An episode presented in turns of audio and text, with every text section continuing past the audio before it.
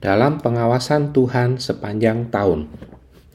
Ulangan pasal 11 ayat 12 Suatu negeri yang dipelihara oleh Tuhan Allahmu, mata Tuhan Allahmu tetap mengawasinya dari awal sampai akhir tahun.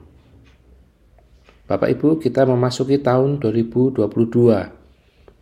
Saya menyambut tahun yang baru ini dengan optimis. Tuhan sudah menjanjikan rahmatnya yang selalu baru setiap pagi.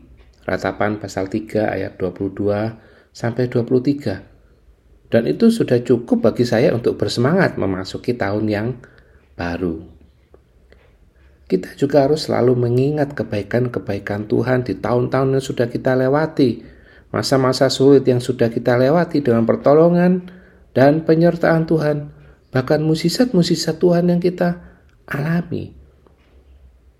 Itu dapat menjadi bekal bagi kita untuk terus beriman kepada Tuhan akan pertolongannya, menghadapi tantangan-tantangan yang baru ke depan, menghadapi tahun yang baru dengan segala permasalahannya. Sering kita tidak menyadari bahwa Tuhan sudah begitu banyak berbuat baik kepada kita.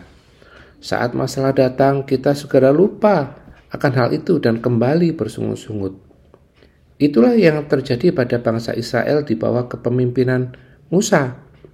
Saat mereka keluar dari perbudakan di Mesir untuk masuk ke tanah yang dijanjikan Tuhan, bangsa Israel sebenarnya sudah mengalami begitu banyak tanda-tanda dan penyertaan Tuhan sepanjang perjalanan mereka.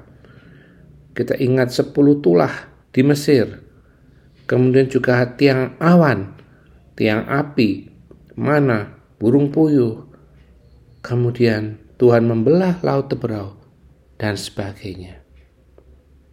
Keluaran 13 ayat 21 sampai 22. Tuhan berjalan di depan mereka pada siang hari dalam tiang awan untuk menuntun mereka di jalan dan pada waktu malam dalam tiang api untuk menerangi mereka sehingga mereka dapat berjalan siang dan malam dengan tidak beralih tiang awan itu tetap ada pada siang hari dan tiang api pada waktu malam di depan bangsa itu. Sebuah musisat besar bahkan mereka alami langsung saat Tuhan membelah laut teberau, sehingga mereka bisa berjalan melewati laut itu sementara Fir'aun dan tentaranya habis tersapu laut yang kembali menutup di saat mereka melintasinya. Pertanyaannya, apakah bangsa Israel ini menjadi teguh imannya dan bisa percaya penuh kepada Tuhan? Sayangnya tidak. Bangsa Israel malah menunjukkan bahwa mereka adalah bangsa yang keras kepala dan tidak tahu berterima kasih. Mereka terus berulang-ulang menunjukkan sikap buruk mereka, baik lewat keluh kesah, menyembah ilah lain. Musa sudah mengingatkan mereka bahwa mereka seharusnya sadar bahwa mata Tuhan mereka sendiri sebetulnya sudah menyaksikan. Dengan mata mereka sendiri sebetulnya sudah menyaksikan segala perbuatan besar Tuhan.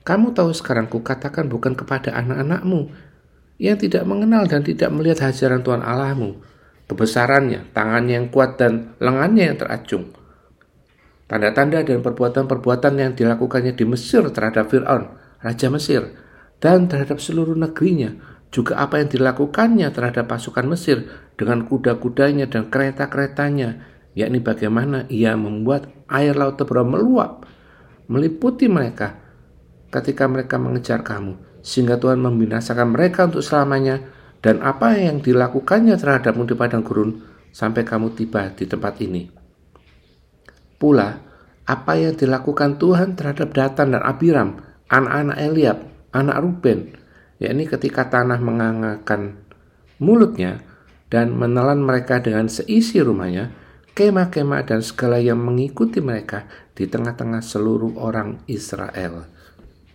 Itu ulangan pasal 11 ayat 2 sampai 6. Dan sebuah ketegasan pun dikatakan oleh Musa di ayat yang ketujuh.